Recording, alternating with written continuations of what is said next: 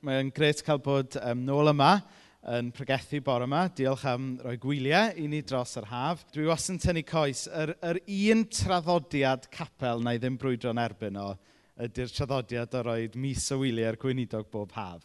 Mae hwnna'n traddodiad pwysig i'w gadw, oce? Okay? Nawn ni chwalu pob traddodiad arall, ond mae rhai cadw'r traddodiad pwysig yna. Ond be bynnag, Nawr, yn oedfan y bore, um, ers blwyddyn erbyn hyn, da ni wedi bod yn edrych ar Efengil Lyc. Mae Efengil Lyc yn un o'r pedwar llyfr yn y Beibl sydd yn sôn am fywyd a gweinidogaeth Iesu. Ac um, o'n i'n wyndro be, beth i wneud, ni'n mynd i edrych ar rhywbeth gwahanol tymor yma, ond na, ni'n mynd i gario ymlaen i edrych trwy Efengil Lyc. Achos be well i ddod wyneb yn wyneb ar gwirionedd chrysnogol, dy wyneb wyneb Iesu, na edrych ar bywyd Iesu hun. A mae yna gymaint yn yr efengylau yn does. Felly dyna i ni'n mynd i barhau wneud am rhai misoedd eto. Ond be ni'n mynd i wneud bore yma, di wneud rhyw fath o recap o rhai o'r prif themau sy'n codi, oherwydd maen nhw yn themau fi meddwl um, sydd yn helpu ni fel eglwys i ffocysu ar be ddyle fod yn bwysig i ni. A rhai pethau y byddwn ni fel eglwys gobeithio yn ffocysu arnyn nhw dros y flwyddyn nesaf. Y peth cyntaf dwi eisiau siarad amdano bore yma ydy hyn, sef y pwysigrwydd i ni fod yn eglwys sydd â teulu a chymuned yn y canol. Nawr, un o'r pethau sy'n taro rhywun wrth edrych ar hanes bywyd Iesu oedd bod ganddo fe lot o amser i bobl. Mi oedd e yn people person, fel maen nhw yn dweud. Er oedd e'n treulio amser yn mynd i'r synagogau, oedd e'n treulio amser yn mynd o gwmpas y lle yn teithio, ond oedd wastad amser gyda fe i fusoddi mewn pobl. Oedd wastad amser gyda fe i daro mewn yn hir rhywun. Oedd wastad amser gyda fe i fwynhau pryd o fwyd gyda rhywun. A trwy efengylic a trwy yr efengylau i gyd – i ni'n gweld Iesu yn gwneud hyn, yn aros yn hau pobl, yn cymryd i amser dros bryd o fwyd. I ni'n gweld fod Iesu yn dysgu rhai o'r gwirioneddau mwyaf, nid o'r rheidrwydd yn y synagog, nid o'r rheidrwydd yn pregethu o flaen torf, ond jyst o gwmpas pryd o fwyd. Wrth bod e'n gwneud cymuned, wrth bod e'n bod yn deulu gyda rhai o'i ddisgyblion e. A mae hwn yn atgoffa ni o un peth pwysig ar ddechrau'r tymor. Sef mae nid sefydliad neu rhaglen o gyfarfodydd ydy eglwys, ond pobl, teulu. Nid fan hyn ydy yr eglwys, ond chi ydy'r eglwys. Nid beth sydd yn y cilchlythyr ydy'r eglwys, ond beth i chi fel pobl dew eglwys yn gwneud ymysg eich gilydd ydy eglwys. A mae mor bwysig i ni gofio hynna.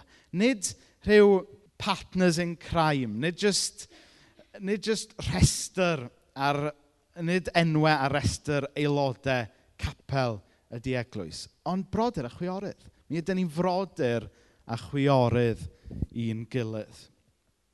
A dros yr haf, nath hwn ddangos i hun i ni mewn mewn dau ffordd.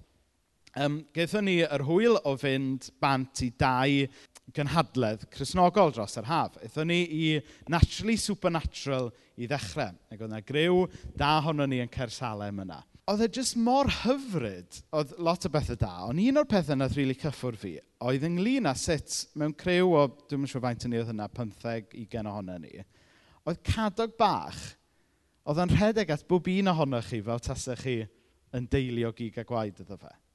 A gyda'r nos, oedd sawl un yn cynnig i ni, chi eisiau ni ofalu ar ôl cadog i chi gael mynd i mwynhau eich hun. Oedd yna rhywbeth special am hwnna. Oedd yna'n dangos i fi bod ni yn deulu go iawn. A'r ail beth, chydig oedd nos y wedyn, o'n i yn um, coleg y Bala yn cynhadledd o'r enw Sold Out. Ac oedd rhai ohono ni oedd yn rhan o'r tîm arwen wedi mynd draw yn gynnar yn y dydd. A wedyn oedd, oedd yr arweinwyr fyny grisiau yn gweddio, ac o'n i lawr llawr efo cadog yn aros ynglyn am yn cynio. Felly mae hwnna'n dangos blaenoriaeth cadog a fi. Um, a wedyn, un wrth un, dyma pawb yn dechrau cyrraedd am ei cynio. Y cwpl o wynebu dieth ar ei cadog. Ond pob trodd, rhywun o teulu Cersalem yn cerdded mewn. E, oedd e jyst yn... Oedd e jyst wyneb yn goleio. Tyfod, a wedyn, pan ddoth treu mewn, waw. Nath o, nath o golli hun yn llwyr. Ac oedd e mor hyfryd i ni weld Cadog yn ymateb wrth weld teulu Cersalem, yr union rhan ymateb, a pan mae o'n weld, gweld i nain a'i taid ac wncl cynnan, hynny yw deulu cig a gwaed fel petai. A nath hwnna rili really hitio fi. Gymaint o fraint ydi o i ni fel teulu cael magu cadog o fewn y teulu yma sydd gyda ni. Ac i ni, oherwydd um, mae'r teulu agosa sydd gyda ni'n byw dwy awr i ffwrdd. Felly i ni, mae ma'n mae e'n extra special rhywsut, chybod, bod, bod ni'n cael y fraint o wneud teulu gyda chi yma. Ac i ni'n gweld hwnna yn Iesu'n dydyn. I ni'n gweld bob man oedd e'n mynd. Nid creu sefydliad oedd e, ond tyfu a creu teulu. Dyma yw eglwys. A dyma i ni'n cael ei fodelu y mywyd Iesu A dyma byddwn ni gobeithio dros y flwyddyn nesaf yn meddwl mwy amdano ac yn buddsoddi mwy ynddo fe. Yr ail beth sydd yn codi yng ngweinidogaeth Iesu ac yn heri ni yw fod gweinidogaeth Iesu yn bodoli ar gyfer y byd, ar gyfer y bobl. Doedd dim byd self-serving am weinidogaeth Iesu. Doedd e ddim jyst yn gofalu ar ôl i fuddiannau hunan Oedd popeth oedd e'n gwneud a dweud er lles y byd, er lles pawb arall. A mae hwnna'n gosod her real iawn i ni fel eglwys. Ydyn ni yn eglwys sy'n bodoli ar gyfer ni yn hunain, neu ydyn ni yn eglwys sy'n bodoli i'r byd allan yna? Yn syth ar ôl galw Pedr i fod yn ddisgybl iddo fe. Be mae'n neud? Roedd yr her i Pedr i wneud mwy o ddisgyblion, i fod yn bysgotwyr dynion. Hynny yw, os ydych chi'n ddisgybl i Iesu, mae Iesu'n eich galw chi i wneud mwy o ddisgyblion. Hynny yw bod rhan o waith yr eglwys ydy rhannu am gariad Iesu, dangos tosturi Iesu i'r byd. A mae hwnna'n goff o digwydd mewn gair a gweithred. Falle nath rhai ohonoch chi weld Arwel yn serenu ar y clip CNN ynglyn â gwaith y banc bwyd. Ond o ddifri, ti'n gwybod, um, falle oedd yr adroddiad chydig bach yn sensational, ond oedd o'n dangos yn doedd yr angen sydd yn yn cymuned ni, yr angen sydd, sydd yng Nghymru, i weld efengil Dyw yn cael ei rannu mewn gair a gweithred. I weld y gobaith mae Iesu yn dod â i'r byd. Dros yr haf, fi oedd rhai ohono ni'n ffodus i gael gwyliau. Ac fel fi, oedd lot ohonoch chi'n rhannu lluniau ar Facebook ac yn y blaen, o le fi o'ch chi'n mynd am dro ac yn y blaen. Diwrnod ola yng ngwyliau i, eis i gael coffi yn caffi maes. Oedd hi'n fore sych yn meddwl, o, mae lyflu, prynu papur ar y ffordd. Um, lle oedd mena cadog? oedd nhw fysi neu rhywbeth, onest. A wedyn, a wedyn fi'n agor y papur. A'r hysbyseb ar y dudalen gyntaf oedd hwn. P&O Cruises. Special moments are for sharing. Special moments are for sharing. A mae'n wir yn dydy, pan ni'n ni, pan ni cael rhywbeth da, pan ni'n ni'n mwynhau rhywbeth, da ni eisiau rhannu fo'n dydyn. Oedd, oedd ni mewn um, priodas hyfrydoi a be nes i bore yma rhannu llun um, o Mena fi'n gwenu. Special moments are made for sharing. A mae hwnna'n her yn dydy. Ydyn ni yn rhannu y special moment pwysicaf sydd wedi digwydd i ni, sef cyfarfod Iesu. Ni'n barod i rannu popeth da arall, ond ydyn ni'n barod i rannu am Iesu. Achos mae Iesu'n dod â gobaith, mae Iesu'n dod â heddwch. Mae Iesu yn dod â myddeiant am bob bai. Ydy ni'n fod yn rhannu y special moment yna. Mae hwn yn swndio bach yn um, cheesy, fi'n gwybod, ond chi'n deall y pwynt sydd gyda fi. Special moments am Made for sure. A, a falle bod rhai o'n chi wedi clocio price tag y cruise yma, sydd yn eitha uchel a dweud y lleia. Ond wrth gwrs, beth sy'n hyfryd am newyddion da Iesu? Mae am ddim, yn dydy. Dim lot o beth am ddim yn y byd yma. Er, mi oedd mynd i maes ysteddfod am ddim lenni. Ond y, y peth pwysicaf sydd am ddim, wrth gwrs, ydy be mae Iesu'n rhoi. Chybo Iesu wedi talu y pris. Felly, tro nesaf fyddwn ni chybod, yn, yn rhannu rhywbeth um, da sydd wedi digwydd yn yn bywyd ni. Beth am rannu ynglyn â be mae Iesu yn golygu i ni.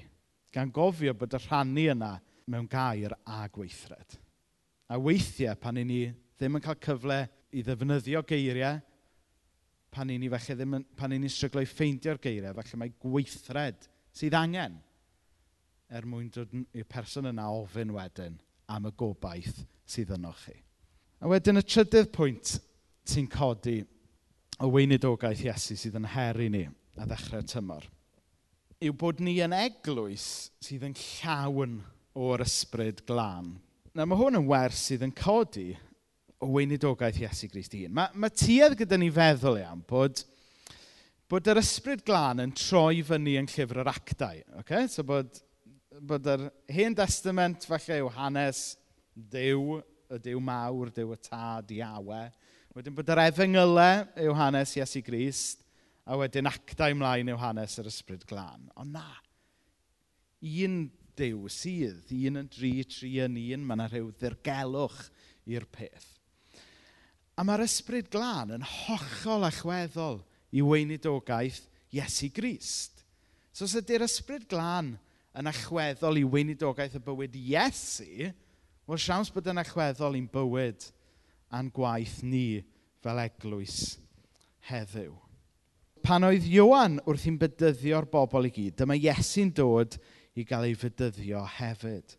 Wrth iddo weddio, dyma'r awyr yn rhwygo'n agored a'r ysbryd glân yn disgyn arno ar ffurf colomen. Wedyn mlaen yn pedwar adnod un, roedd Iesu'n llawn o'r ysbryd glân pan aeth yn ôl o ardal yr Iorddonen.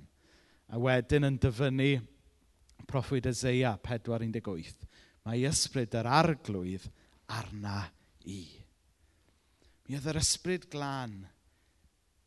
Mi oedd Iesu'n llawn o'r ysbryd glân. Yn ei fywyd, yn ei waith, yn ei weinidogaeth. A mae'r un ysbryd glân ar gael i ni heddiw. Yn yn bywydau pob dydd ac yng ngwaith yr eglwys. A mae hwn mor bwysig. Achos os i ni'n trio byw bywyd, os da ni'n trio gwneud eglwys, be bynnag mae hwnna'n golygu, heb yr ysbryd glân. Dim blas ar y peth. Mae e fel, chyfo, mae e fel curry heb chili. Mae e fel, mae e fel tatws heb pinsiad o halen. Yr ysbryd glân sy'n rhoi blas ar fywyd. Yr ysbryd glân sy'n rhoi blas ar grisnogaeth. Heb yr ysbryd glân, mae'n bywyd chrysnogol ni'n mynd i fod yn grefyddol iawn. Mae'n e jyst mynd i fod ynglyn â trio ticio'r boxes, trio heb yr ysbryd glân, mi fyddwn ni jyst yn cynnal traddodiad a defodau. Ac yn y diwedd, byddwn ni'n diflasu. Yn y diwedd, byddwn ni jyst yn mynd yn galon galed.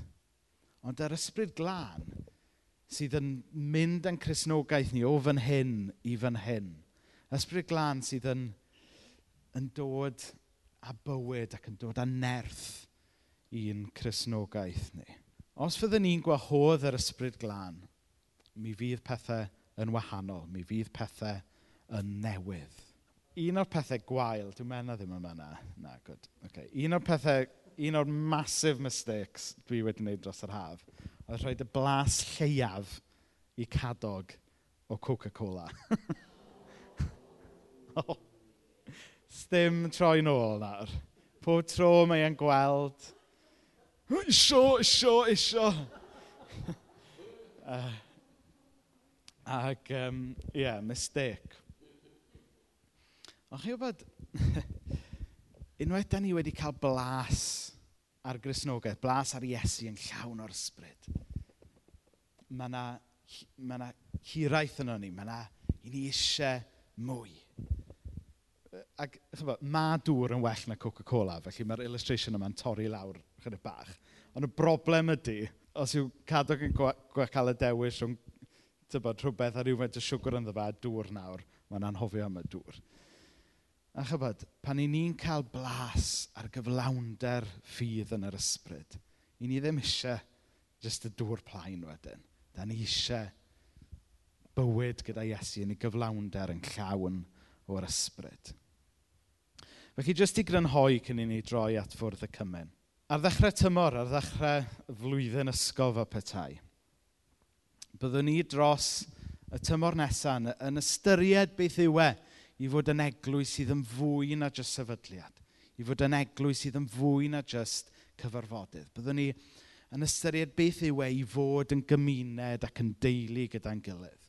Ac i ni'n gweld hwnna'n cael ei fodelu yn Iesu Grist ei hun yn ail, beth yw ei fod yn eglwys sydd yn bodoli i bobl sydd ddim eto'n rhan ohoni? Beth yw ei fod yn eglwys sydd ddim jyst yn edrych ar ei fuddiannau ei hunan, ac yn eglwys sydd yn barod i rannu am Iesu mewn gair a gweithred gyda'r byd o'n cwmpas ni. Yn dechrau gyda'n tref ni yma yng Nghaernarfon. Ac eto, ni'n gweld hynna'n Iesu. Oedd dim byd self-serving am fywyd a gweinidogaeth Iesu. Fe ddath e i wasanaethu, nid i gael i wasanaethu. Ac yn ola, beth yw e i ni fod yn eglwys sy'n nid yn llawn traddodiad, ond i fod yn eglwys sydd yn llawn o'r ysbryd glân. Beth yw e i ni fod yn eglwys sydd yn camu mewn i rhywbeth newydd. Beth yw ei i ni fod yn eglwys sy'n chwilio am ffresni? Wel, un o'r, un o'r pethau o'n i'n gallu wneud dros y gwyliau, mae, ma holl illustrations fi ynglyn â bwyd y diod. Mae'n ma broblem fan hyn, fi'n meddwl. Ond, tyfa, chi'n gallu cael fel um, herbs, dydych, um, jyst rhai sych mewn jar, ond wedyn chi'n gallu prynu fresh herbs. A mae yna, gwahaniaeth, yn dyfa, rhwng crefydd a chrysnogaeth fel defod a chrysnogaeth sydd yn llawn o Iesu ac yn llawn o'r ysbryd. Mae e fel coriander sych a ffres coriander. Gewn ni godi ar yn traed i weddio. Wel, y ddiw dad, da ni yn diolch i ti am Iesu. Da ni'n diolch am fywyd a gweinidogaeth Iesu i ni wedi cael myfyrio drosto fe dros y flwyddyn sydd wedi bod a i ni'n mynd i barhau edrych drosto fe dros y tymor sydd i ddod. Ac i ni'n diolch i ti o arglwydd, ym mywyd Iesu, i ni'n gallu gweld fod ganddo fe galon dros bobl, fod ganddo fe galon dros greu dynoliaeth newydd, fod ganddo fe galon dros greu teulu. Ac o ddiw dad, i ni'n gofyn i ti blannu hynna yng nghalon pob un ohono ni. Helpa ni edrych ar ein gilydd, nid fel cyd-aelodau, ond fel brodyr a chwiorydd. Helpa ni edrych allan am ein gilydd. Helpa ni fyw bywyd gyda'n gilydd. O ddiw dad, helpa ni fod yn eglwys sydd ddim just yn gofalu ar ôl ein hunain. Helpa ni fod yn eglwys sydd ddim just yn trefnu yn bywyd fel eglwys i beth sy'n siwtio ni Ond helpa ni fod yn eglwys sy'n dilyn arweiniad Iesu, sy'n bodoli i wasanaethu. Yn eglwys sydd yn edrych allan, yn eglwys sydd yn barod bob cyfle posib i rannu am Iesu mewn gair a gweithred. Ac o ddiw dad, yn yr un modd ac oedd Iesu yn llawn o'r ysbryd ac yn cerdded gyda'r ysbryd. Helpa ni fod yn bobl sydd yn agored bore yma i dderbyn y newydd gan yr ysbryd glân. O ddiw dad, da ni ddim eisiau mynd trwy'r mosiwns. Da ni ddim eisiau jyst crefyddau. Ond da ni eisiau blas ar fywyd gyda ti. Felly tyr y dysbryd glân. Llenwa calonau pob un ohono ni. Llenwa dy eglwys gyda grym dysbryd di. Fel bod na ffresni un ffydd ni. Fel bod yna ffresni i'n bywyd ni wrth i ni gerdded gyda ti. Amen.